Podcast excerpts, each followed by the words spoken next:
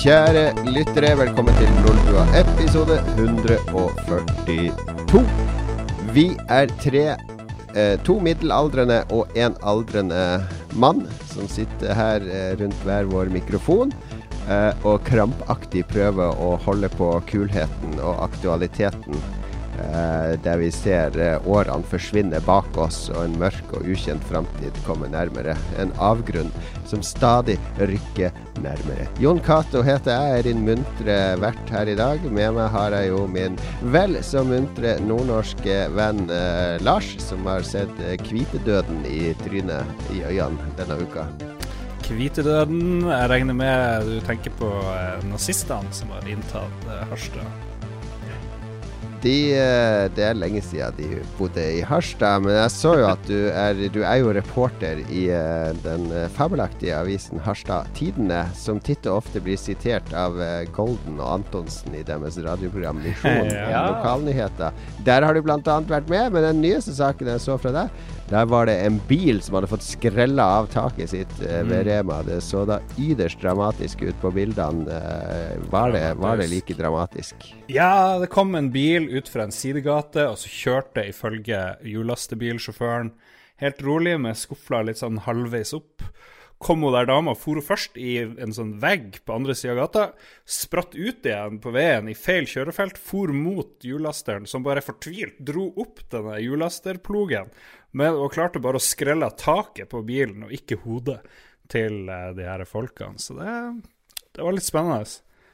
Ja, du, du, du, forteller veldig overbevisende, men en kilde har fortalt meg at den bilen ble taua fra søppeldynga i Harstad, og at det der er fake news. Hvem er det som uh, Det der høres ut som CNN. Sources, a reliable source. A reliable source has told me. Uh, nei, uh, ingen som driver med fake news i Harstad. Her er alt ekte. Har du aldri skrevet en fake news-sak, Lars?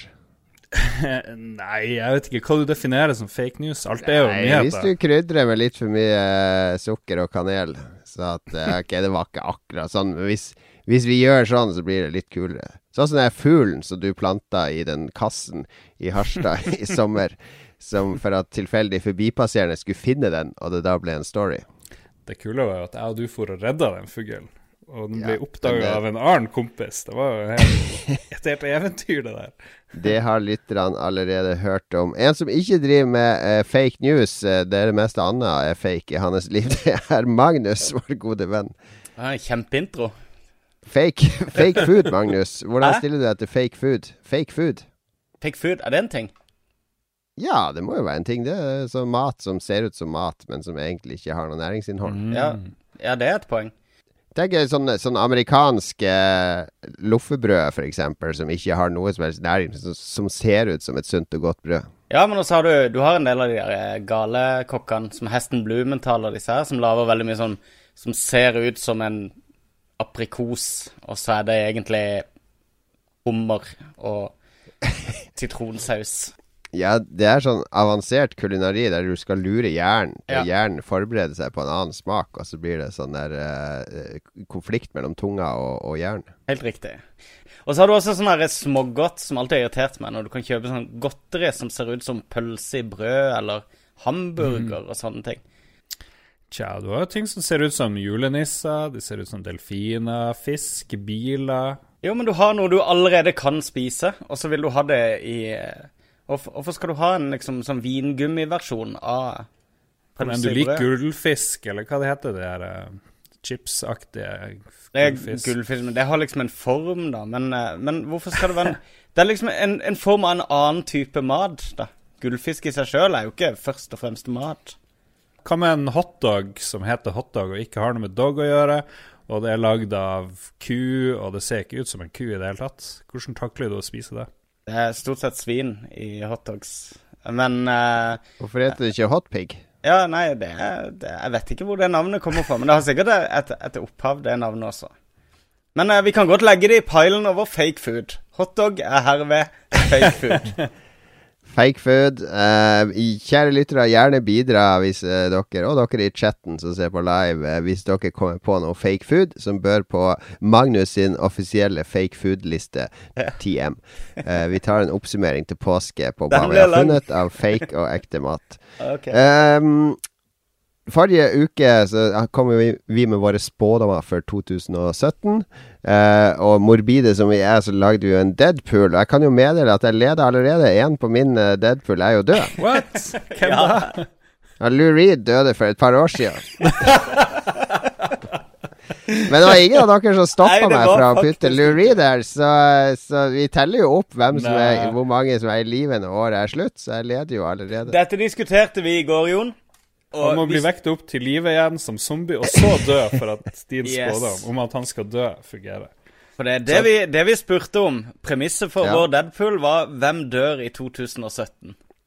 Ja, kan jeg få bytte han ut, da? Ja, herregud. Ja, det syns jeg du skal få lov til. Ja, det må jeg tenke. Jeg skal komme med min, min uh, nye etter det musikalske brekket uh, litt senere. Hvordan fant du ut at han var død, han Lou Reed, forresten? Hæ? Hvordan fant du ut at han var død, han? Det var en som kom med Meg og. Magnus hadde quiz i går. Altså, det kommer for mye kommentarer på uh, podkasten på quizen. Folk ja, kommer bort og sier Kan ikke dere kutte han der Lars? Du, han der Lars, han er litt slitsom. Du, Lars, Lars, holder med én nordlending, sier de ofte. Nei da, det, er- det er, du får mye positivt, Lars. Men det var en som kom og sa Du, du vet at Lou Reed er død? så, sånn helt ut fra ingensteds hen, så jeg bare Hæ, er Lou Reed død? Ja. Og podkasten deres. Åh. Men uh, ja, det er bra. Det er bra. Vi får ikke bare skriftlig Men det er ingen av våre lyttere i kommentarfeltene som har påpekt at Lurid er død. Nei, Er det virkelig så lite musikkforståelse blant våre lyttere? jeg tror, tror det. det, I hvert fall uh, liden eh, Det er veldig få som leser dødsannonser, tydeligvis. Mulig de bare hører på spillmusikk. Uh, prøver å sparke ballen på et aktuelt tema her, kanskje. Ingen tok den? Jo, jeg tenkte du skulle fortsette å Nei, Ja. det var sparka ballen til Jon Cato. Programlederen som tydeligvis er litt lei av å prate, og det skjønner jeg godt. Nei, jeg prøvde å alludere, er det dette? Henvise til at du, Jon Cato, har jo begynt med vår 30-dagers eh, spillchallenge, og i dag, når vi spiller inn der, så vil du at folk skulle komme med sine beste spill-soundtrack. Og det er jo vill, eh, vill respons på Lolbo. Ja, Nå lager du veldig dårlig ramme, for en vanlig lytter skjønner ingenting. Hvor er den challengen? Hva er det som skjer? I journalistikken så er det hva, hvor, hvordan, og du bare hopper rett på hvordan. Og Jeg regner med at alle vet hva Entourage er. Neida, vi har en gruppe på Facebook som heter Lolbua Entourage. Det er den indre kjernen. Det er hardcore Lolbua-lyttere. Trenger ikke være så veldig hardcore. Det skjer egentlig ikke så veldig mye i den gruppa. Vi, av og til så teaser vi ting, eller spør de om ting før og under og etter sending. Men vi la inn der nå en, en 30 Day Video Game Challenge.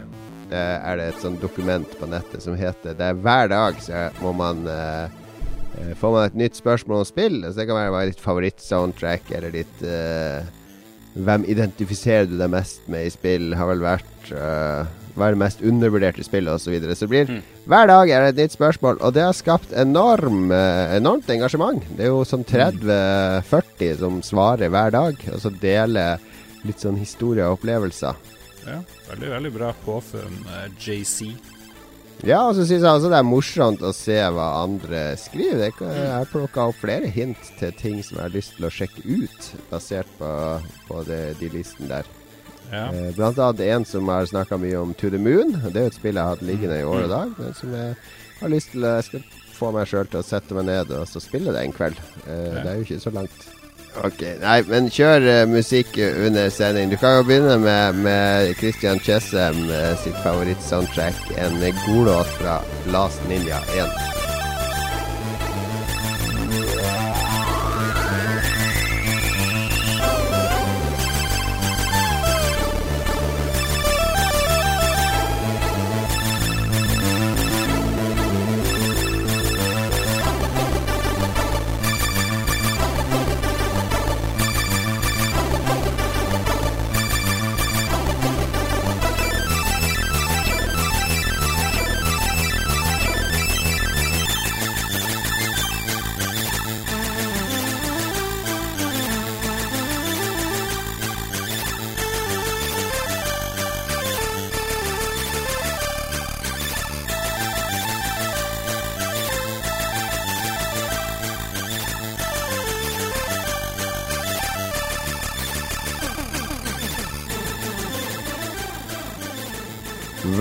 Velkommen tilbake. Vi kommer altså bare til å spille musikk som lytterne har eh, delt med oss i Lolbua Entourage-gruppa vår, eh, der vi i dag har snakka om eh, våre favoritt-soundtracks. Og vil du bli medlem av Lolbua Entourage? Det er veldig enkelt. Bare søk opp jeg tror, jeg tror kanskje entourage-ord er, er vanskelig å stave, så det kan være vanskelig å finne den. Men, men søk opp Lolbua Entourage på Facebook, og så bare ber du om å bli medlem. Så slippes du inn.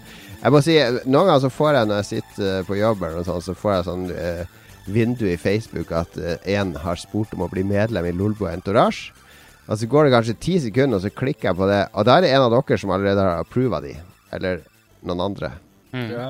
Jeg vet ikke hvem som kan approve, men det, er jo de som, det var jo ikke de som starta den gruppa. Det er jo det som er litt gøy. Selv om Nei, det var jo Jeg var lyttere, men så vi ble jo invitert inn. Men jeg, jeg tror jeg har en eller annen admin-status der, i hvert fall. Jo da, det tror jeg òg. Jeg kan også invitere for, Eller um, akseptere folk inn. Ja, du bare rejecter, for det har vi hørt om før fra din, din gamle bekjent fra Kristiansand. Denied! Denied. Vi, eh, vi, eh, vi, har hatt en eh, heftig debatt i vår internchat med vår executive producer Jostein Hakstad denne uka, der jeg, jeg, jeg pleier jo Jeg jo, har jo fartstid med å analysere bransjen og skrive kommentarer og se etter trender og alt mulig sånn. Der jeg mente jeg så en trend nå med at Microsoft basically har abandona den nåværende Xbox One. Uh, de har sikkert masse krutt på lager for Scorpio, men uh, hadde jeg jobba på Akersmik nå, og det kom inn en kunde og lurte på om han skulle kjøpe Xbox eller PlayStation, hva som er mest fremtidsretta, så er det ingen tvil om at jeg hadde dytta han i retning PlayStation, altså. Uh, Nå tar, uh, tar, du konklusjonen her. Uh, jeg tenkte vi skulle stille spørsmålet Er Xbox fucked? Som en sånn sånn kunne vi snirkle oss inn, men du går med en gang ja. og bare skyter Xbox One i hodet. Ja, hva er, det, hva er det som taler for at Xbox er fucked? Skal vi ta det først? Det må vi gjøre. Vi kan jo ikke bare ja. si at det er drit. Um, det er jo en nyhet nå nylig med at uh, Scalebound, dette spillet som Platinum Games lagde for Microsoft, uh, har blitt kansellert.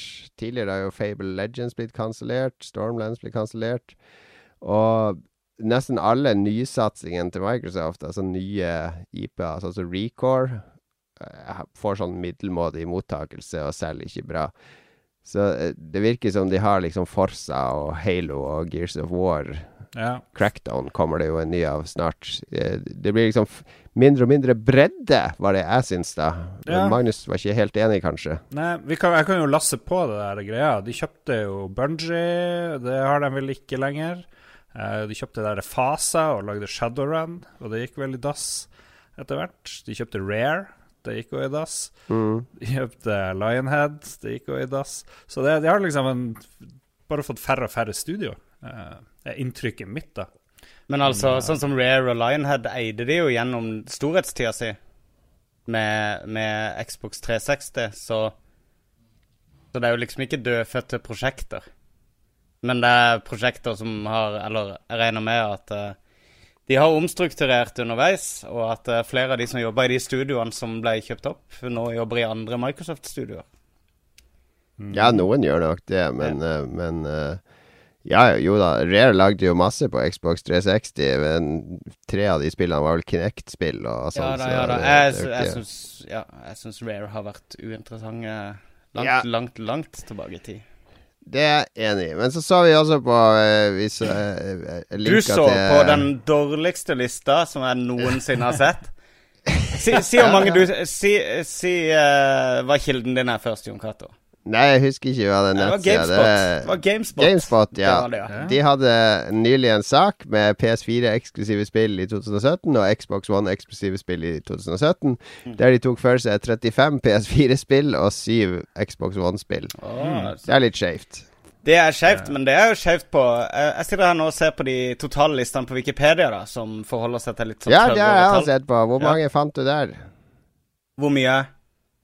Ja, for der er det telt i der òg, nemlig. Ja. Der er det 66 på PS4 og 25 på Xbox One. Så det er nesten tre ganger flere ja, riktig. som er ja. eksklusive. Nettopp. Uh, men ikke 35 mot 7. Ok, ja, ja, ja. Men det som er langt mer interessant på Wikipedia der, mm. det er jo å se på uh, hvor mange av de spillene som kommer i 2017 på Xbox One, er Microsoft publisher for, Mm. og hvor mange av de spillene som kommer i 2017 på PlayStation 4, er Sony publisher for. Fordi det, en, en publisher som ikke er villig til å putte penger i studioer og putte ut Ja. eksklusiver på konsollen sin, da er det tegn på at de har fokus et annet sted. Og Sony de publisher tolv spill i år. Microsoft to. To Oh. spill, det er, Men det er du- ganske Et annet, Lavt. eh, et annet aber som må inn her, det er jo at Ja. eh, etter E3 etter E3-annonseringene i fjor sommer, var det veldig mange som roste Microsoft fordi at de aller, aller fleste spillene de annonserte i sommer, de ble sluppet allerede samme året. De ble sluppet til jul. Ja, de ble sluppet eller kansellert før jul. Nei, nei, men eh, så derfor så eh, Derfor har de liksom De har sluppet veldig mye av det de har annonsert, da. Som er Jo da, jo da. Og de var mer, selvpubliserte alle sammen. Så det, eh, akkurat det ligger eh, Det, det ligger i at vi nå som går inn i den tørreste perioden i hele året. Så det er litt sånn kunstig års... Det er eh, langt fra en tørr periode nå. Det drøsser på Mens. Mars er jo helt insane når det gjelder mars, releaser. er ja. Men man, nei, januar. Mandag, tirsdag. Eh, januar Ja, og februar er ikke det. Januar er alltid tørt, men det, det Ja. Hvis du snakker Ja, periode, så mener jeg det neste halve året, liksom. Ja, riktig. hvis vi ser på det, så er det magrere på Xbox enn PlayStation. Det er det ingen klart. tvil om. Helt klart. Og, men det som ligger bak her, er jo selvfølgelig at eh, hvis Microsoft eh, har så lite på Xbox One, så skyldes det nok mest sannsynlig at de bruker ressursene på Scorpio. For hvis Scorpio skal ut før jul, så må jo den ha en lineup med i hvert fall tre Microsoft-spill ved lansering. To eller tre Ja. Microsoft pub publisha spill og en rekke tredjepartsspill. Ja, du mener ideen at de holder vite- tilbake lanseringa nå? Er det det du mener? Ja, de kommer nok ikke til å annonsere noe Scorpio før nærmere sommeren, vil jeg tro. Nei. Altså, Jeg fatter og begriper ikke hvorfor de annonserte Scorpio i det hele tatt Nei, på ikke E3 i fjor. Det var helt merkelig. Som jeg sa, hvis jeg jobber i butikk nå, så jeg skal jeg kjøpe en sånn Xbox One. Nja, nå er det bare ti måneder til det, til det kommer en ny en. Ja. Og det kommer bare en håndfull spill på den her. Det er ikke annonsert så mye. Og Men det, Det- det var jo det samme med PlayStation Pro, da. Den gikk jo ganske ok, Ja. ikke? Jeg vet ikke. Går den så bra? Jeg hører aldri noen snakke om den her proen lenger. Det er liksom Eh, ikke noe å snakke om at du har liksom den pluss én. Eh, PC. Men er Scorpion Den er jo ganske mye kraftigere, visstnok, Ja. enn PS4 Proen. Men er det sånn at de samme spillene skal funke på Xbox One eh, og den Scorpio-tingen? Liksom Ja, altså, han, han kjører jo eh, garantert eh, et rent Windows 10 som OS, sånn som alle de Microsoft-komponentene gjør nå. Mm. Så eh, hvis, eh, hvis han kunne kjøre ting som var på, på Xbox One Eller, nei, eller vi, eh, altså, Xbox One kjører også Windows 10, så eh, Og jeg tror det er ingen endringer der. Eh, Ja. Men da tror jeg det blir litt det samme som PS4 og PS4 Pro. det kommer litt an på liksom hva de kan tilby, da. Noen blir å kjøpe det, og noen bare eh. Det blir jo, liksom ikke noe blir ikke, det blir ikke det samme i det hele tatt, fordi PS4 Pro Du får ikke lov å lage et spill til PS4 Pro. Du må lage et spill til PS4 som funker på gammel og ny PS4. Ja. Du kan fint lage et, eh, et eh, Xbox Scorpio-spill som ikke funker Ah, ja. på Xbox One. Ah, det visste jeg ikke. Fordi det er eh, en, en kraftig oppgradering. Men det som vi har spekulert i, er jo at Scorpio blir jo mer enn PC i en boks. Ja. Altså mye mer lik dagens PC. Og i og med at alle Xbox One-spill som Microsoft gir ut nå, eh, i utgangspunktet fungerer på PC òg, altså Gears of War og, og alt som kommer nå, Forza og sånn, er jo Du kjøper du det på Xbox One, så kan du spille det på PC òg, med den cross-greia. så så blir det jo samme tenking til Xbox Scorpio, tenker jeg da. Men Ja, jeg eh, ja, jeg, jeg syns i hvert fall det er en merkelig strategi fra Microsoft at nå er det Det er helt Jeg kan ikke skjønne at folk kjøper Xbox One eh, nå før Scorpio kommer. Det er liksom ingenting fristende, Mm. føler jeg, da. Uh, jeg hinta om at vi skulle snakke om det her, og da kom jo Mr. Xbox himself, eh, Jan Christian Hegel, eh, løpende til tastaturet. Han satt og svetta og pusta tungt da han skrev Nei, selvfølgelig er ikke Xbox eh, One og Microsoft fucka. Eh, PlayStation har annonsert mange eksklusive spill, men når kommer de? 2018-2019? Spørsmålstegn. Xbox har fortsatt mye som kommer. Ha, hvis altså et spill med store FPS-problem og lite hype var redninga, så begynner jeg å lure, og han viser jo til det her Scalebound, som han ikke drev og var så gira på. Ja, jeg var heller ikke så interessert i Scalebound, akkurat. Men det er et poeng med at veldig mye av eksklusivitetene på PlayStation, i hvert fall eh, konsolleksklusive titler, har veldig mye vært eh, at de har porta gamle Steam-spill. Det var det jo veldig mye av i begynnelsen. Uh, og uh, ikke minst at uh, de slenger på en liten HD-greie på gamle PlayStation 2-spill og selger de på nytt, da teller det jo også som eksklusive titler, vil jeg tro. Så, og, det er ikke så mye av det i 2017. Da, nei, det var det, nei men frem til 2017 har det vært det, føler jeg. da. Jeg syns det har vært en sånn gjenganger hos Sony. Uh, men jeg, jeg syns det er veldig tynt uansett. Det Det er kanskje sånn tre spill jeg ser frem til i år. Litt mer. Uh, men uh, vi må jo uh, Vi gidder sikkert ikke å prate så mye mer, men liksom, hvilket spill er det vi vet som kommer, og som vi ser veldig fremover, fremover mot på Xbox, for å ta den først? Det, det neste halve året? Ja, eller sånn det vi tror kommer, liksom. Um, ja, vi snakka litt om det der nye Ghost Recon. Ser veldig fett ut. Um, jeg tror ikke det er Det er ikke eksklusivt. Å oh, nei, uh, tenker vi eksklusive titler? Ja, ja, ja. ja. Oh, ja. Uh, jeg vet ikke. Jo, kommer ikke det der eh, David Cage-spillet? Er ikke det planlagt? Nei, det, det så, ja, Hvis vi tar Xbox først okay. Det som kommer der, er uh, Timbleweed Park er ja. vel konsolleksklusivt på Xbox. Mm. Det er jo litt kul tittel å ha. Det er litt kult. Uh, Halo Wars 2. Yeah. Nei, det Uh, Cuphead, kommer ikke det? Jo, Cuphead. Det er jo Magnus sin stil. Ja, det gleder jeg meg til. Crackdown 3. Ja, jeg, jeg har troa på Crackdown 3. Jeg syns toeren var Jeg mista troa etter toeren. Ja, ja. Skal... toeren var kjempedårlig, men jeg har troa på treeren. Toeren stinker. Så kommer det Phantom Dust-remaken. Hva var det for noe igjen? Det er et sånn obskurt Xbox 360 eller Xbox 1-spill. Mm. Sea of Thieves fra Rare. Eh, MMO. Phantom Dust, men er ikke det cancela, det? Ja? Nei. Okay. State of Decay 2 kommer. Det kan jo bli litt kult. Mm. That's it, basically. Ja. Er ikke mye, altså. Det er, det er litt uh, smatt, smatt. Hvis vi skal se på PlayStation, da, så blir det Ja, nå har du til Rush 2 som kommer nå straks. Yakuza Zero gleder jeg meg veldig til. Den kommer nå i januar, den òg. Um, jeg er jo Yakuza-fan. Nio er jo nye spillet til, til, Team Ninja, som har restrukturert seg. Jeg, jeg liker jo de. Nier Automata. En stund siden Team Ninja har gjort noe kult, er det ikke det? Jo, jo, men det Jeg leste i om det spillet i Edge nettopp, for det teamet er helt nytt, og så videre. Så det virker bra, men nyere automater gleder jeg meg sinnssykt mye til. Ja, det, det er, mange som snakker platinum, om det. Uh, Platinum-spillet. Uh, så kommer det selvfølgelig sånn Kingdom Hearts-remix som Magnus skal spille. Men det som blir aller, aller størst i år, 4. april, er jo da Persona 5, som kommer eksklusivt på Sony. Dragon Quest Heroes 2 gleder jeg meg til. Hva sa du? Dragon... Japansk er det. Quest Heroes 2. Oh, ja. Er det eksklusivt? Uh, Har du nevnt det der Horizon Zero Dawn-greia? Nei, det kommer jo uh, 1. mars snart. kommer det. Ja, ja så Altså det, Jeg syns ikke det, det var så litt... mye heller.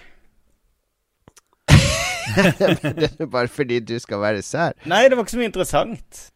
Jo, men du, er, er, du, skjønner, du, ser vel at det er en, en, større bredde og en større vilje til å satse på sære ting som kanskje ikke er for alle?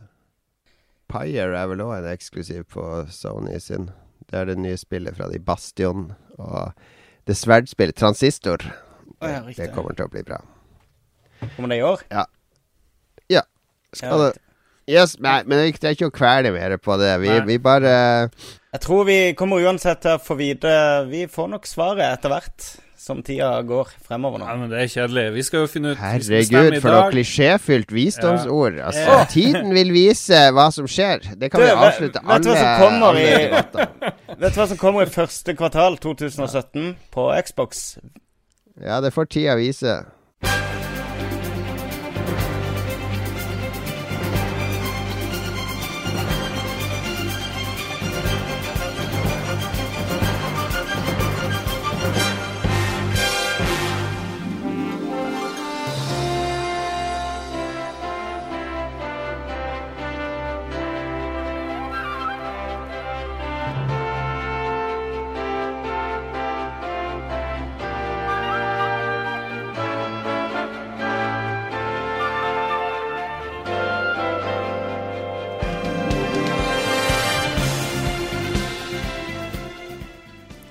Er Xbox fucked, Magnus? Nei, han er selvfølgelig ikke fucked. Ikke mer enn eh, der han er i dag. Og der nyste Jon. Jon, er du klar til å svare på om Xbox er fucked? Du, Jeg kjenner jeg blir sjuk mens vi har sending her nå. Jeg var helt fin da jeg gikk inn. Og nå eh, jeg kjenner jeg at temperaturen har steget to grader i kroppen. Oi, oi, oi. Eh, jeg tror eh, jeg, eh, Det er ikke fucked, men jeg tror Microsoft driver og legger en veldig eh, hard strategi framover mot Scorpio. Så akkurat nå så er det sånn vakuum med Hva skjer egentlig? Jeg gir, eh, jeg gir Xbox terningkast fire.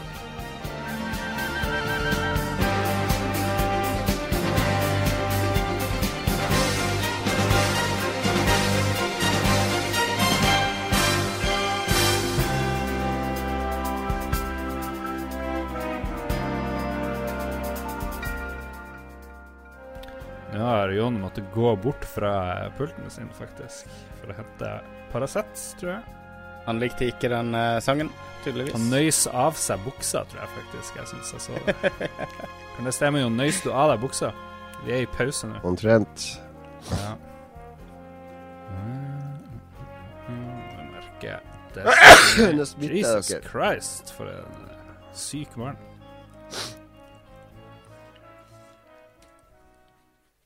Da er vi tilbake, og vi skal uh, snakke litt uh, Jeg blir skikkelig uh, Jeg har aldri blitt så fort sjuk. Det er noen zombievirus. eh, Kanskje det er noe sånn uh, allergigreier der.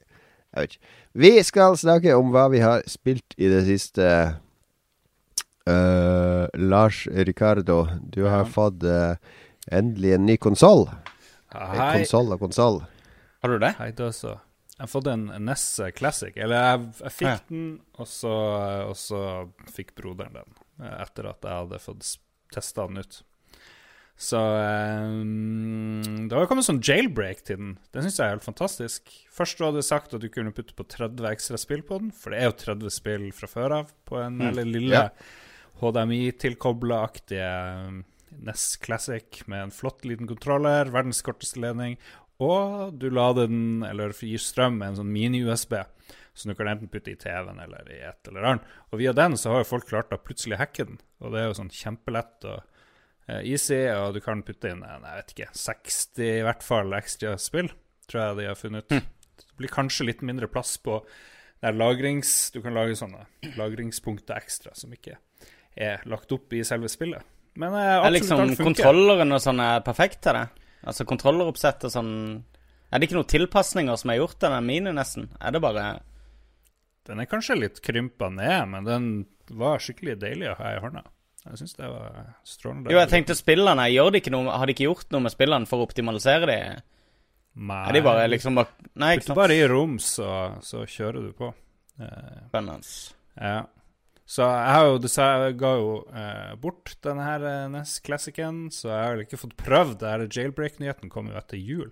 Så, men jeg er skikkelig gira. Jeg syns det var Det er så deilig å se HDMI-versjonen av gammel 8-bit, syns jeg.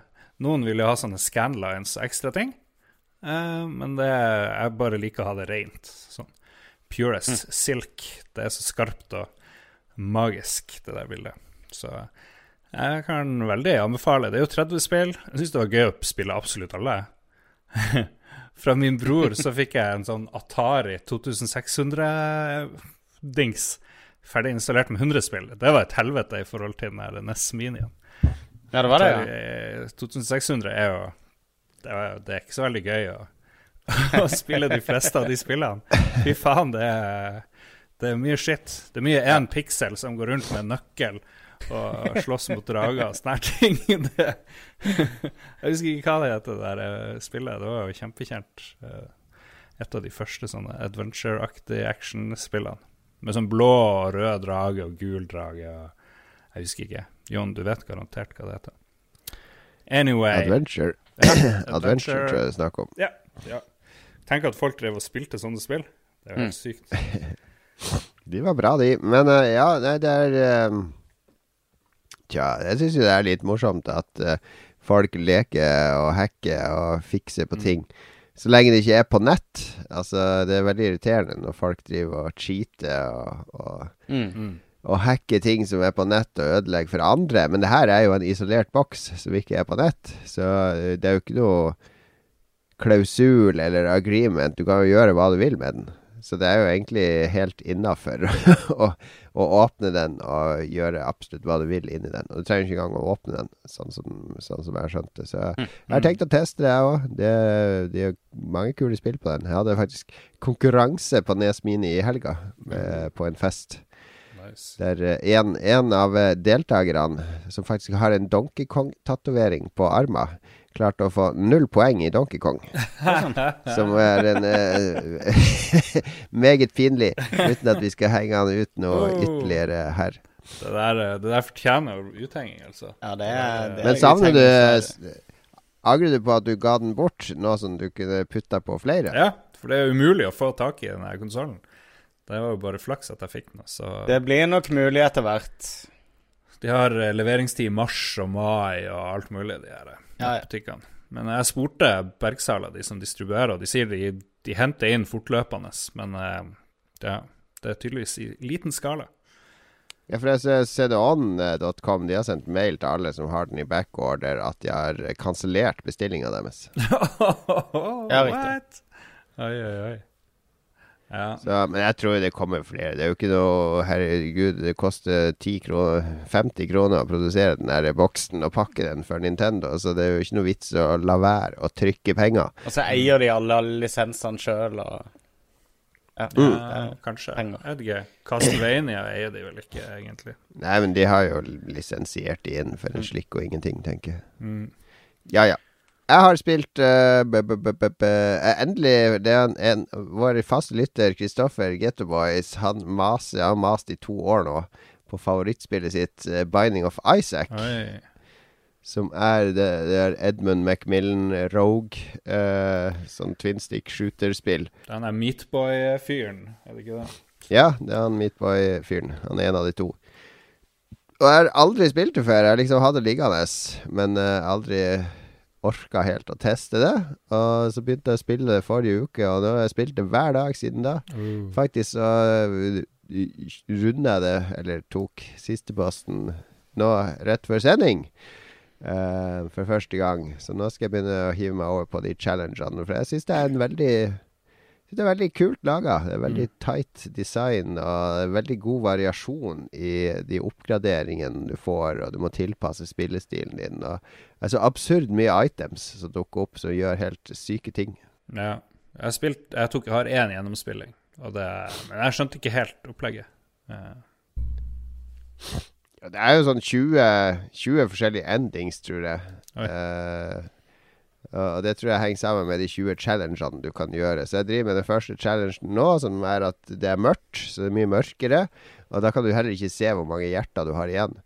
Mm. Så det blir sånn jeg, jeg vet, Du vet ikke om neste hit du får uh, drept deg eller ikke. Mm. Um, så ja, jeg, jeg, jeg, jeg syns bare det er sånn Hvis jeg har en halvtime, så slår jeg heller på det enn å sette meg ned med Final Fantasy 15, liksom. For det går ikke an å sette seg ned med en halvtime. da har du bare Hm, hva var det jeg holdt på med? Så må jeg inn og sjekke litt i inventoryen, og så questene, og så Oi, nå har det gått en halvtime allerede. Så det, det er jo sånn plukke opp og Arkade mm. Den arkadefølelsen av å putte på en mynt, og nå skal jeg spille litt. Alright. Magnus, du har spilt et norsk enmannsprosjekt. Det har jeg. Jeg spilte det helt alene òg. Um, en som heter uh, Mattis Folkestad, kan det stemme? Som, uh, som står bak uh, hele spillet, faktisk. Han har lagd et teksteventyr plassert på Vestlandet i, i fjorden. Du er da ei budeie som heter Ruth i, eh, på 1920-tallet i en eh, fjord på Vestlandet. Um, og etter en liten sånn innføring i kontroller og sånne ting, så havner du om bord på et eh, romskip og skal da ta for deg et, et plott som involverer aliens og uh, aldersstjeling. Som jeg ikke skal gå nærmere inn på, for det spoiler spillet. Um, mm. Kan jo si det, det, er sterkt inspirert av Broken Age. De bruker veldig mye av den samme den akvarellgrafikken uh, som du har i Broken Age òg. Og, og, de zoomer liksom inn på den akvarellen eh, ganske mye når de kommer inn i sånne små eh, snakkesekvenser og sånn. Bortsett fra det er veldig, veldig pen sånn bit-grafikk, eller sånn pikselgrafikk, som er satt opp rundt omkring. Og eh, ja, storyen er nok også litt uh, uh, satt opp etter Broken Edge-modellen, med tanke på at det, det er en budeie som havner på en, på en, på en um, stor nei, rombase og går rundt i forskjellige rom som er veldig tematisk forskjellige og løser puzzles, akkurat som i Broken Age. Bortsett fra det, da, så kan jeg si runda spillet relativt kjapt. Uh, det kosta ikke så mye heller å spille. Um, jeg koste meg hele veien gjennom. Mm. Men det får du kjøpt på Steam. Ja, det er veldig, veldig imponerende. Er det en sånn kjærlighetserklæring til de gamle eventyrspillene, vil du si?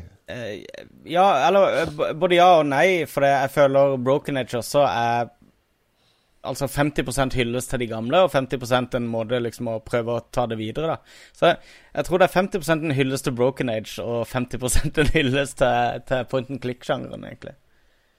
Sweet. Milkmaid of the Milky Way, altså. Vi skulle gjerne mm. spilt litt musikk derifra, men det er dessverre ingen i Entourage som har det som favorittmusikk. Derimot, Henrik eh, Olafsen Elman liker alt av musikk i Spelunky, som vi skal få høre litt av her. Og det er jo litt ekstra stas, for det er jo en nordmann, Eirik Surke, som står bak den musikken.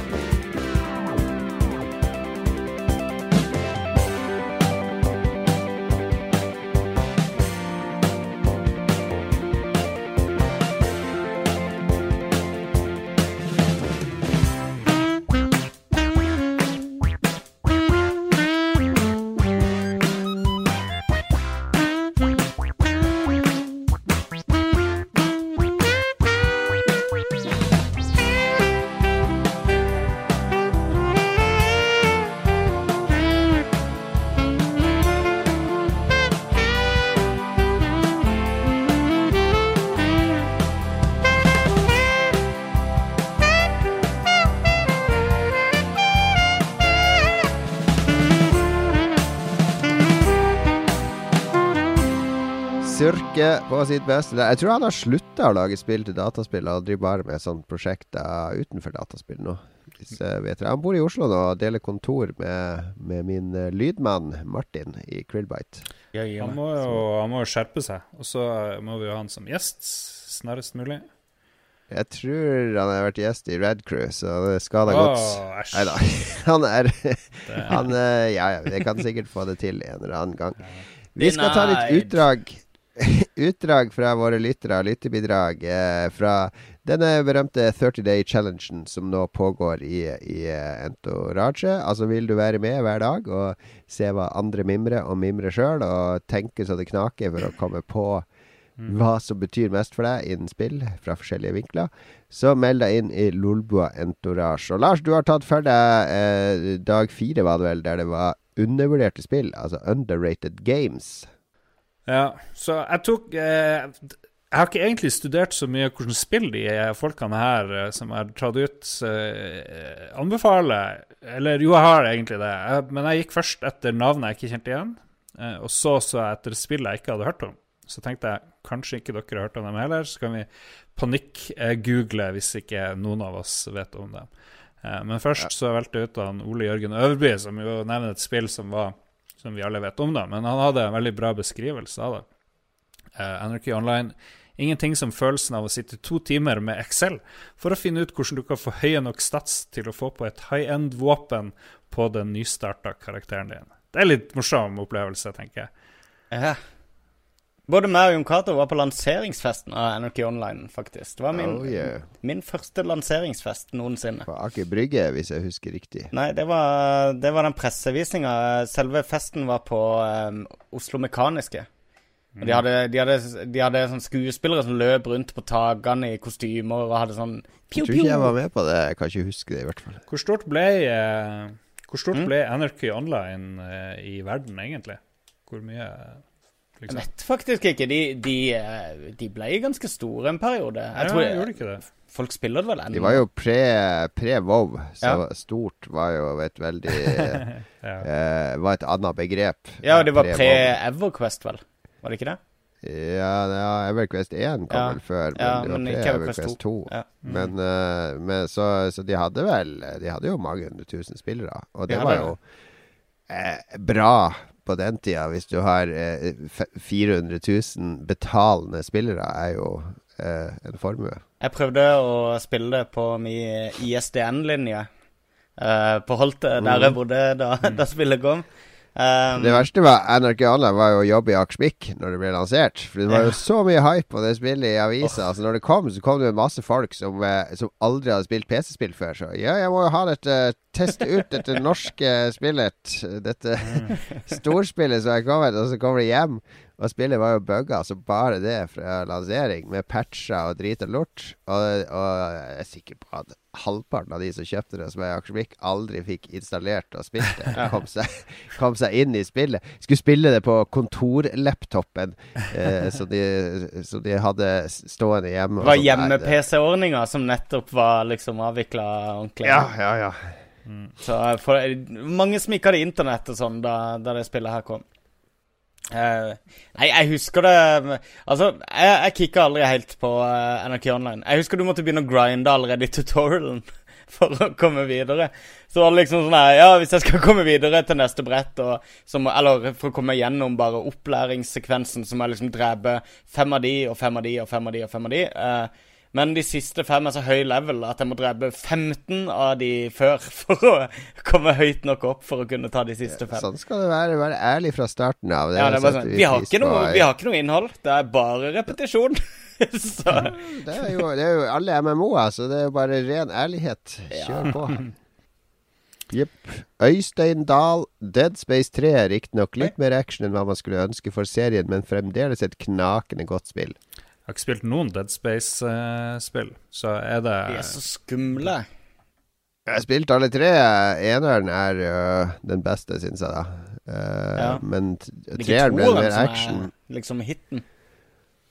Ja, toeren er, er litt kul start, for du begynner på sånn sinnssykehus i tvangstrøye, da. Så spilles første ti Yes. minutter, så kan du ikke slåss og sånn, så du må bare løpe rundt med sånn tvangstrøye og stange i veggen. Det er litt morsomt. Mm.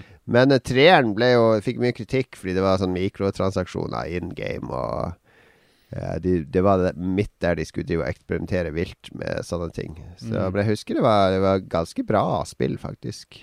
Så jo, uh, absolutt verdt å spille, vil jeg jo si. Skrevet av Karsten Solheim. Han sier Star Ocean 5. Vidunderlig spill til tross for litt lunkne anmeldelser og bugs. Star Ocean 5, faktisk. Det, det Ja. Jeg har spilt ett av de Star Ocean spil... Star Ocean 5, det var det, kom det nå for et par måneder siden? En eller to måneder siden? Kan det stemme? kom, eh, ja, kom i sommer, tror jeg. Vi må google litt her, gutter. Skal vi se. Kom i 2016. Heter det egentlig Star Ocean Integrity and Faithlessness? Det er jo verdens Det, det er mye mulig, navn. for det, det er et sånn super uh, nippon uh, Sånn manga sci-fi-spill, i hvert fall. Ja. Metascore Jeg tror 58, må- så jeg tror han har helt rett. Uh, kan Ja, men hvis han liker det, så er det kanskje bedre enn det, da. Ja, det er jo undervurdert. Vi, Det vi ba jo om undervurdert spill. Det er tydeligvis Ja. ikke høyt vurdert. vurdert. Så jeg ber, jeg ber Karsten Solheim komme med mer info. Hvorfor er det her så bra? Gjør jeg. Daniel Ja. Hansen sier 'Desert of Karak'. Karak med KH. Aldri hørt om. Det er et kult spill. På tide å Jo, det er uh, oppfølgeren til Homeworld 1 og 2, uh, er som det, ja? eh, Gearbox uh, lagde. eh, kom ut i fjor. Eh, det var RTS-spill, eh, eh, men der Homeworld-spillene Der er jo eh, Hele sivilisasjonen din har jo flykta fra hjemplaneten og er er sånn digert koloniseringsromskip og masse små, så du bare flyr rundt i rommet med. Så det her foregår før hjemplaneten ble ødelagt, så er, her er du på en sånn diger ørkenplanet og kjører rundt med buggies og tanks og uh, bombefly og så. Og jeg spilte litt. Jeg skulle gjerne spille Faktisk i går så vurderte jeg å fyre det opp igjen når jeg satt oppe foran PC-en. Eh, fordi det er en utrolig kul atmosfære i det. Det er sånn radiochatter i bakgrunnen hele Mm. tida. Som alle strategispill i moderne tid burde ha. Eh, bare sånn konstant radiobussing og litt sånn der eh, Sånne svake beskjeder så du ikke helt hører hva skjer. Men Du er på jobb, du liksom. føler bare at du, ja, det, det skaper sånn enorm kul atmosfære. Ja, ja. Og så er det litt sånn science fiction-modulering i lyden der. Så, så det går litt sånn inn, inn ja. er, jeg- Er det undervurdert? ja, det kom vel og gikk litt, på en måte. Men det fikk masse hype når det kom. Ja, det men, er, jo, det det som kjempepopulært, det.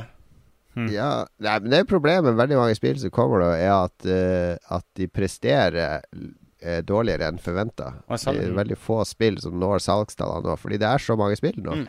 Og så mange preferanser at, uh, at det er veldig vanskelig å lage en sånn spill som når de gamle høydene. Free to play. Alt blir free to play i fremtida. Kanskje. André Bergo, Kingdom New Lands. Forholdsvis lite kjent og undervurdert, vil jeg si, men knallkos! Kingdom New Lands høres ut som en sånn 3DS-spill. Ja, her måtte jeg google for første gang. Å ja, det er det. Ja, det har jeg jo på Steam. Det har jeg spilt. Ok. Det er det 2D-spillet. 2D-pikselspill der du kun kan gå mot høyre eller venstre. Mm. Eh, og så er du en konge, da. Og så skal du bygge opp riket ditt. Så må du liksom hele tida å reise mot høyre og venstre. Og rekruttere nye og bygge forsvarssystemer og utvikle ting. Og, og du får skatt hvert år, da, så du kan putte inn i hva du skal bygge, og research osv. Mm. Um, det er et veldig unikt spill, da, men det var sånn Det er jo sånn som starter på nytt, tror jeg, hver gang. Så jeg, hadde en sånn session på en time og et kvarter før kongen døde, da. Og da var det sånn Jeg har ikke så veldig lyst til å spille en gang til, fordi Mm. det er liksom det samme på nytt igjen fra starten av. Ser veldig pent ut. Ser ut som ja, moderne pikselspill blanda med litt sånn gammel Amiga-aktig Mm. feeling, nesten. Ståle Baldvinsson eh, sier at eh, Rare lagde et fantastisk spill til Nintendo 64 med lisens fra Disney. Det kom seint ut i Nintendo 64 sin levetid. Få spilte det, men det er et av de aller beste racingspillene han har spilt. Spillet heter selvfølgelig Mickey's Speedway USA. Hmm. Ja, jeg spilte aldri Mickey Speedway. Gjorde du det, Jon? Lars? Jeg husker coveret veldig godt, men jeg var liksom litt lei av Mario Kart-spill etter Mario Kart og Ja, Diddy. Kong Racing på Ja, Nintendo sant. 64. Og selvfølgelig Big Bombad Racing eh, spilte du vel også mye. Det Star Wars eh, gokart. eh. Oh, shit. Ok, det ser jo akkurat ut som Ja, nettopp. Tror dere han tuller med Mickey Speedway i USA? Eh, Nei. Tror du? Mm. Nei, skulle det være tull? Det er mulig han har eh, varme minner fra det. At det var, han var på et riktig sted i livet sitt og koste seg med kompiser som kom opp hver lørdag og spilte Mickey Speedway i USA hjemme hos han. Det er mye som kan ha Det er jo ikke å tulle. Det Hæ? er bare Lars. Lars har jo trolla i hele dag. Ja. Han har ikke gjort det å trolle i den der chatten vår. Han trolla, hissa på seg Jostein og alle sammen. Bare kommer eneste ene provoserende trollinga etter den andre. Ståle driver ikke med sånt. Lars. Nei, det er godt okay, poeng, Jon. okay. Ståle hadde ikke råd til eh, Mario Kart. Kjøpte det billigere Mario Speedway. Det står at Rare, Rare lagde jo det spillet, da, så jeg vil regne med at en del av det Nå, går jeg bare ut fra noe uten å egentlig vite det, men siden de hadde laga Diddy Kong Racing, så går jeg ut fra at Rare ikke starta fra scratch. Men at Ja. de brukte ganske mye fra Diddy Kong Racing og reskinna ting med Mickey Mouse osv. Og Diddy Kong Racing var jo briljant, så Mm. da, da er jo fundamentet for, for Mickey's Speedway også ganske bra, vil jeg jo påstå. Det er sant. Tviler jeg veldig på. Point. Ja, Tor Helge Tagvold Togvold. 2A. Du, vi har glemt å gjøre narr av, eller ha morsomt med navnene til folk. Men Det tør jeg ikke lenger etter vi støter bort en eh, lytter. Togvold Han, er, han driver mye togvold, får vi si. Skal vi se. To the Moon. Muligens min beste spillopplevelse ever. Og han Joar Evensen sier han er enig med det. Og eh, der eh, Nå Du har jo du røpt allerede at du har spilt gjennom To the Moon etter at du fikk det her eh, Fikk den anbefalingen. Hvordan var To the Moon, Jon? Jeg har hørt at slutten er veldig rørende. Det. Jeg sa jo at jeg skulle spille gjennom ja, det. Jeg ble inspirert av det fra disse kommentarene. Men Det er jo spillet jeg har vært obs på lenge. da Det er jo mange som sier at det er fantastisk RPG. Og det er liksom eh, Det er laga med RPG Maker, tror jeg, som du kan kjøpe for en billig penge på Steam. Så ja. Nei, det ser, ser veldig fint ut. Hvordan var musikken? Jeg har ikke spilt det, da, for guds skyld. Ta altså Søk opp en YouTube uh, En YouTube play, uh, Let's Play, Lars, og så snakkes vi om tre timer. Hvordan musikk hører vi nå, forresten? Nei, nå hører vi uh, musikk fra World of Warcraft, valgt av Robert Karstensen.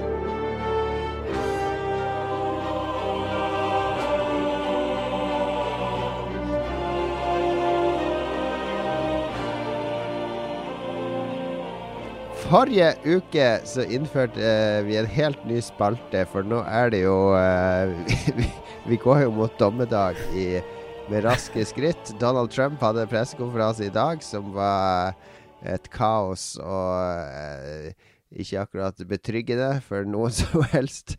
Eh, det er, eh, det er mye negativitet i verden. Mye folk som er sure og krenka og, og bitre og, og irritert på ting. Så vi, eh, vi vil være en sånn motpol til all sinne og, og bitterheten og hatet, da. Så hver uke så skal vi anbefale noe. Det er en helhjerta anbefaling av noe som vil gjøre livet ditt bedre. Eh, en film, et eh, produkt. Eh, et skjønnhetsprodukt, for alt vi vet. Det kan være en frisør, det kan være et teaterstykke, en bok. Alt utenom spill, da, for det snakker vi om ellers. Mm. Verdens beste frisør er i Trondheim. Jeg kan finne navnet til henne hvis noen Ja, spar, spar det til neste uke. Gjør litt research, og så presenterer du verdens beste frisør neste uke. Um, jeg kan godt begynne, uh, siden det er jeg som innførte den spalten. Jeg er nå nesten ferdig med en uh, bok som heter uh, The Oral History of Punk. Porno. Eller det er undertittel. ja, bare du hører ordet oral, så tenker du porno. Yep. Uh, det sier mer om, om deg enn en, uh, verden. Men den heter Please Kill Me. The Uncensored Oral History of Punk. Som Mm. er skrevet av han eh, Legs McNeil, som var med å starte Punk Magazine på 70-tallet i New York. Uh, og det er en ekstremt tjukk bok, da. Eh, kun med eh, sitater fra alle fra, fra den tida som han har intervjua eh, til den boka. da Og de er klippet sammen, da, de sitatene, så det følger en kronologi. Altså er det, det begynner med Lou Reed eh, og Andy Warhol og slutten av 60-tallet, når avantgarde kom, og når de begynte å spille støymusikk og litt sånne ting. Og tar deg gjennom hele 70-tallet. New York Dolls, uh, uh, Television, uh, Ramones selvfølgelig. Uh, handler om hele den scenen i New, New York med, med CBGBs etter hvert, og med Maxes, og hvor alle disse konsertene var. Intervju med masse av groupiene, masse av folk fra plateselskapene, masse av eh, journalistene, og selvfølgelig masse av artistene, eh, de som fortsatt er i live, da. Og det som er litt morsomt, er jo at den er veldig eh, usensurert historie, da. De var jo eh, de, de drev jo hadde seg med menn, nesten alle sammen der. Det var ikke så viktig, det, da. Ikke det, mange av de var jo mannlige prostituerte i disse bandene. I Ja. New York Dolls og Mye nihilism der. Didi Ramone, han uh, De var jo junkie etter hvert. Ja. Heroin kom jo på 70-tallet, så de ble jo junkie av de fleste der. Det er masse om MC5, som uh, han ene i MC5, han gitaristen etter de la ned, han begynte jo ja, måtte jo ha penger, så han begynte å gjøre brekk da, bryte seg inn i eneboliger to-tre ganger om natta og selge for å få han satt jo i fengsel i tre år for breaking and entering og så videre. Så eh, det, de er veldig veldig ærlige med hva som har skjedd, og hvem de lå med, og hva intrigene var. Og alltid når det er sånn konflikter, så er det litt kult, Fordi da får du høre det fra forskjellige ståsteder. Så da kan det være at han, eh, han duden i television sier at han i Ramones var skikkelig kuk, han gjorde det og det. Og så kan det være at ei kjerring som var i baren, hun sier Nei, hun husker at det var sånn det skjedde, at han kom inn, og så var det han som gjorde det. Ja, ja, ja. Så du får Det er rene vitnesbyrder. Det er ikke noe forsøk på å finne en objektiv fasit. Og det blir veldig sånne personlige historier, da. Ja. De har liksom karakter, Du blir kjent med disse karakterene, fordi de har forskjellige måter å ordlegge seg på. Forskjellige ting de vektlegger så viktig og ikke. Og Bowie er med, og Men er du alt- sikker på at det som- ikke er fiksjon, det her? da? Fordi liksom at ei dame skal huske noe inne på baren. Jeg var med helt i dag, men det høres ut til å være for bra til å være sant, eh, egentlig. Det gjør det. Nei, det er sånn- det er, eh, Altså, hvis du har eh, den The Dirt, den er lagt opp helt likt den Motley Crew-biografien. og der er det også sånn at eh, de, de har eh, stort sett separate intervjuer med Eller eh, han forfatteren har separate intervjuer med de forskjellige bandmedlemmene, men at de ofte kommer inn på de samme situasjonene og prøver liksom å få storyen fra flere hold. da. Og der alle alltid uenige om hva som har skjedd, for ingen husker helt hva som har skjedd. Ja, men det her er jo alle all, Alt de sier her, er jo på bånd. Ja, ja. Altså, det er jo intervjuer han har gjort med de. Så det er bare trans transkripter. Men så er det redigert sammen, da, så at det blir en kronologi, så at du slipper å sitte Da skal jeg sitte i to timer og lese hva gitaristen i The Stooges husker. Det er heller bare to avsnitt fra han, og så kommer det tre utfyllende avsnitt fra en annen dude som var der, og så kommer det Så de, det er sånn eh, Ja, det er sånn dialog hele boka. Og det er veldig fascinerende fortellermetode. Jeg har aldri sett det i en, en bok før. Så levende fortalt, på en måte. Interessant. Så det alene gjør den verdt å lese. Og, og er du ikke interessert i punk? Jeg er ikke veldig interessert i punkmusikk. Jeg vet Magnus er det, så det her burde være en perfekt bok for Magnus. Mm. Men jeg, jeg, er veldig interessert i musikk generelt. Og når jeg leser den boka, her, for ekstre, jeg skjønner liksom hele den der HBO-serien Vinyl ser jeg nå fra et Ja, ja. nytt lys. Fordi nå ser jeg hvor de har henta veldig mye av de tingene fra. Mye av eh, film og musikk og andre ting som oppsto på den tida, ser jeg nå fra et annet perspektiv. Jeg har mye mer in Taxi Driver, f.eks., foregår jo på denne epoken i New York. Jeg skjønner mye mer de følelsene til Travis Bickle når du får beskrevet hvordan New York eh, var på den tida. Mm. for et eh, skithold det var, rett og slett. Så vel verdt å lese. Kjempeinteressant bok om musikkhistorie. Lærerik og, og, og spennende. Du har uh, sett en Q&A.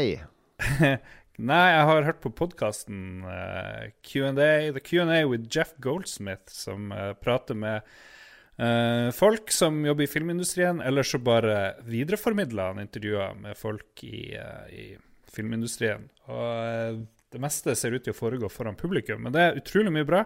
Eh, Francis Ford Coppola Eh, folkene, han samler forfatteren og regissøren bak Fight Club. Han Fincher og han Palanuk, eller hvordan man uttaler det. Eh, Sigourney Weaver har en hel time hvor hun prater om Alien-filmene. Det er altså Jeff Goldsmith som intervjuer kjendiser. Ja, eller bare har samla intervjuer med kjendiser. Jeg vet ikke helt hvordan han får det til, men det er ikke bestandig han er med. da. Eh, og det er bare kjempe, kjempebra og interessant. Eh, og han har lagd en par hundre sånne episoder, så det er bare å laste ned den greia. Så kan du lese om uh, X-Makina og Imitation Game kan du også høre om. Guardians of the Galaxy. Men hvem er han eh, Jeff eh, Først når jeg så det, så trodde jeg det var Jeff Goldblum som drev og lagde eh, en podkast. Men nå skjønner jeg jo at Goldsmith er ikke Goldblum. Hvem, hvem er han? Hva, hvordan kommer Han, han han er jøde, født på Long Island i 1949, tror jeg det var. Du trenger ikke å lese om Wikipedia-sida. Fortell oss hvorfor er han hva, hva, Hvorfor gjør han det her for oss? Hva, hva vil han oppnå han med det? Han har en nettside og et magasin uh, som heter et eller annet jeg glemmer, hvor du får med uh, manus. Jeg tror han er mest fokusert på manus, men han snakker jo om alt mulig med folk. Så du, du kan lese alle Oscar-nominerte manus på denne sida hans. Han forteller aldri om det her som egenreklame i podkasten sin. Så eh, det er vel en ja. forkjærlighet til film. Så The Q&A med Jeff Goldsmith um, Veldig saklig og veldig faglig. og Det er ikke noe sånn, det er ikke fokus på humor, eller noe sånt, men det er interessant. Veldig nerdy. Uh, aldri funnet en podkast som ligner, ligner, på akkurat det her. Artig. Til sist ut, uh, Magnus med noe mattips uh, igjen, tenker jeg. Igjen? Ikke du, hadde ikke du det forrige gang òg? Eh, nå husker jeg ikke hva jeg anbefalte. Nei, det var Sherlock, sist. Sherlock. Ja. ja, ok. Ja. Mattips. Som uh, mange sikkert vet, så er jeg ganske interessert i akkurat det. I matlaging. Jeg leser en del kokebøker, og uh, jeg begynner å bli ganske godt bevandra på nettet på forskjellige kilder til oppskrifter og teknikker og forumer som er bra, osv., osv. Det fins ei side som heter chefsteps.com som er en dritbra referanse, sånn samlereferanse, hvis du bare har lyst til å begynne litt på bunnen og lære deg litt uh, Lære deg å lage mat. Lære deg om altså, grunnleggende teknikker på bare måten du bruker en kniv på, eller åssen du sliper kniven, eller åssen du kjøper kniven. Alt sånn går de inn i detalj på. Og du kan eh, De lager såkalt Altså, du trekker kortet? Du gir kniven i kassa, og ja, så det er sånne ting. Så må du taste inn koden din altså, hvis du har kode. Ja. Nei, men eh, de, eh, de, snakker litt om hva, hva, du bør se etter og sånne ting. Du ja, hvordan du finner riktig kniv. Riktig. Ja, jeg skjønner. Jeg skjønner. Uh, men uh, de har såkalt sånn classes, da, hvor, uh, hvor de lager veldig korte kapitler som du leser deg veldig kjapt igjennom. Stort sett illustrert med veldig sånn veldig pene, korte videoer som forklarer konsepter, og hvor de viser konsepter veldig tydelig. Og der kan Du typisk, du kan lære om alt, liksom fra å få sånn sprøstekt skorpe på et laksestykke, til å lage den perfekte espresso, eller å steige en god biff hver gang. De er veldig eh, de, de, satser veldig bredt, og de har lagd et ekstremt stort bibliotek av sånne kurs og, og oppskrifter, selvfølgelig dødsmye oppskrifter. Det går fra veldig enkelt til ganske avansert, der du krever en del utstyr. Men eh, selv om ikke du eier noe rart utstyr eller rare ingredienser, så er, så er det veldig mye å hente på den sida. De kjører nå en sånn her kampanje, tror jeg, på Jeg tror det var 24 dollar, hvor du kan kjøpe deg inn på alle de classesene sånn for livstid. Uh, uh, når du har signa inn der, da. Uh, og det anbefaler jeg. Jeg anbefaler chefsteps til nesten alle jeg snakker med som er ute etter en god oppskrift på en eller annen merkelig dings, så sender jeg de alltid til chefsteps. Og de fleste virker fornøyd, så det er min anbefaling til dere. For oss som spiste frossenpizza de fire av de syv siste dagene omtrent, eh, er det for oss òg? Ja, det er jo akkurat det det er. Det eh, de har eh, et eget kapittel som bare handler om hvordan du skal steike et stykke kjøtt, enten det er fisk eller svinekjøtt eller fugl eller det, det, jeg lurer på, Magnus, for meg og Lars, vi som er idioter når det gjelder å lage mat ja, ja. Altså, jeg, kan jo, jeg, kan jo, ikke koke spagetti engang. Nei, det vil du lære. Eh, eller du lærer ikke å koke spagetti her til? Ja, men det, jeg har smarttelefon mm. og smartbil og sånne ting. Hvorfor, hvorfor ikke en smartkomfyr? Med en uh, skjerm og en høyttaler på, og så velger jeg der jeg vil koke spagetti. Og så bare, ja, ok, Finn en sånn kjele. Fyll den opp med så mye vann. altså, setter den på plata der, og så skrur den automatisk temperaturen til det den skal være. Ikke for høyt, ikke for lavt. Er akkurat der den skal være. Eh, eh, eh, og så trykk her når det har begynt å koke. Ja. Yes, putt oppi spagettien. Bare, bare gir meg instrukser fra ja, komfyren. Hvorfor har ingen funnet Hvorfor er ikke det på CES? En, en idiotkomfyr som bare kan lære deg å lage 2000 ting. En veldig god idé. Du, Det er viktig at du sier det, Jon. For uh, de driver hele tida nå og pusher en ny sånn her Sovid-sirkulator som de har vært med å designe. Som er ganske kul. En sånn liten greie med en magnet i bunnen, så du setter den bare i gryta. Så står den av seg sjøl. Men ja. den kommer med en app, uh, og det er også støtte for den der eh, Amazon uh, Hva du heter hun der dama du snakker til? Alexa? Yes, det er Alexa-støtte på den appen. Uh, men på appen så Når du da legger maten ned i vannbadet, så kan du bestemme ut ifra bilder på hvordan kjøttet skal se ut, f.eks. når det er ferdig. At de, de, har gjort det sånn i stedet. Eh, og så sier jeg Har de jeg bilder av svidd kjøtt òg? Nei, de har ikke svidd. for du blir ikke svidd i vannbad. Men, men eh, de har alle typer, da. Fra eh, helt Ja. rått eh, til overkokt. Og så sier de hvilken konsistens vil du ha, så peker du på bildet, så stiller den inn tidsramme og temperatur for det. Jeg tenker det er en mulighet der, fordi jeg, jeg driver nå jeg prøver å lage litt sånn semiavanserte retter. Og da må jeg drive med en iPad med oppskrifter på, Mm. eller en bok, og så er det fullt av gris, og stått og hakka ting på fingrene. Og så må jeg drive og tørke de før jeg begynner skal låse opp den skjermen igjen, og så sveipe nedover oppskrifta. Det er et styr. Jeg vil bare ha noen som overvåker det for meg. Og komfyren vet jo hvilke plater som er på, og den kunne jo vite hvor lenge ting har kokt og alt mulig sånn, så det hadde jo vært en genial Jeg, jeg trademarker det her. Fuck you guys. Ja. Lolbua er over. Nå skal jeg bli komfyrmillionær. Sayonara! To the moon! Men uh, chefsteps.com i hvert fall. Yes. Tre anbefalinger fra oss denne gangen. Chefsteps.com for deg som har lyst til å bli litt flinkere å lage mat og få masse inspirasjon og gode oppskrifter på ting du kan uh, prøve og, og imponere. Kanskje kan du imponere en dame. Lars. Mm -hmm. Mm -hmm. eh, Takk, takk. please kill me. The eh, uncensored oral history of punk. fås på både Kindle og ei vanlig bok. Eh, obligatorisk lesing hvis du er, har et snev av musikkinteresse og er glad i å lese. Og til slutt The Q&A med Jeff Goldsmith, en podkast om film. Og der filmskuespillere og filmskapere snakker om film. Tre krystallklare anbefalinger som vil gjøre ditt liv bedre. Syns jeg var jævlig bra, folkens.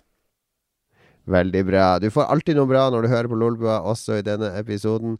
Nå må vi egentlig gi oss, fordi jeg skal prøve å bli frisk i morgen. Da skal jeg nemlig være gjest i en annen podkast. Nei, det Så nå må vi altså legge ned, fordi du, fordi du skal i en skal annen podkast. Jeg skal på audition i en annen podkast, så vi får se om det blir om jeg, Nei, nei, jeg skal være gjest.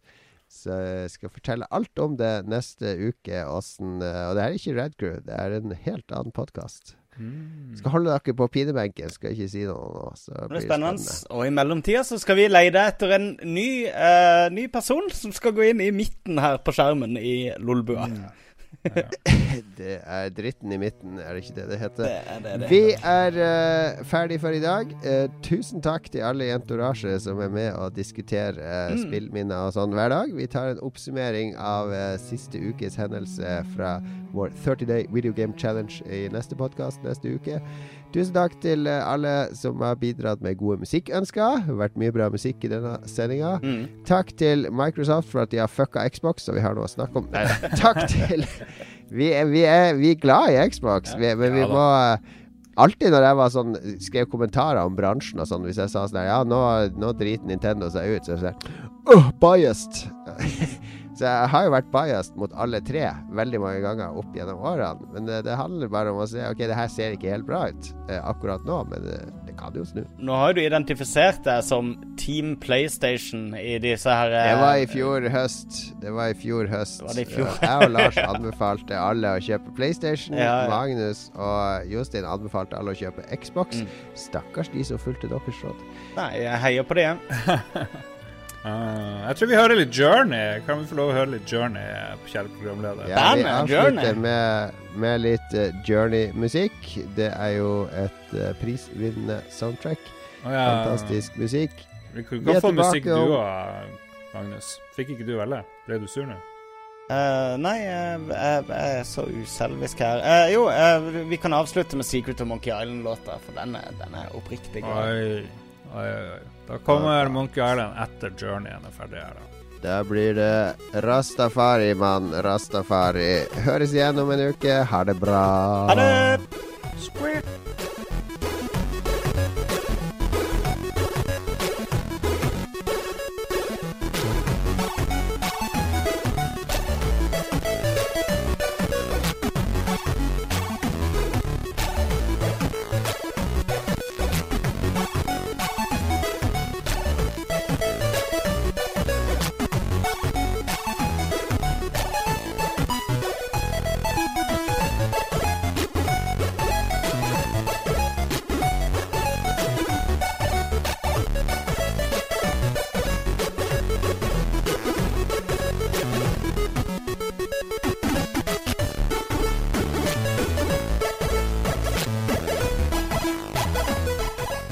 Da er Nysion må finne en ny sang vi kan spille på lista. Eller vil du finne en sang, Magnus? Um, ja. Jeg vil gjerne at vi skal høre på musikken fra Si det. Si det. Du skal spille Å, den fine låta fra Destiny. Er du seriøs, eller kødder du litt? Jeg spiller, spiller Destiny, du. Jeg, jeg, jeg vet du blir glad. Altså, jeg bruker min, min gang bruker jeg til å gjøre deg glad. eh, Ja, det er bra. Destiny, vær så god.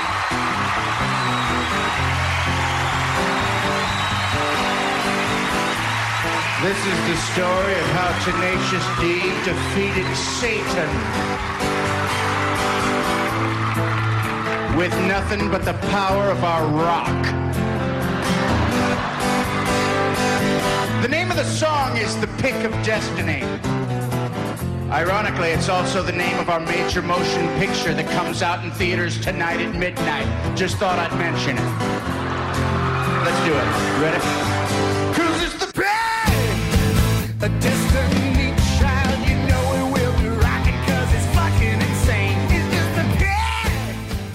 Har du et enkeltpersonforetak eller en liten bedrift? Da er du sikkert lei av å høre meg snakke om hvor enkelt det er med kvitteringer og bilag i fiken, så vi eh, gir oss her, vi. Fordi vi liker enkelt. Fiken superenkelt regnskap.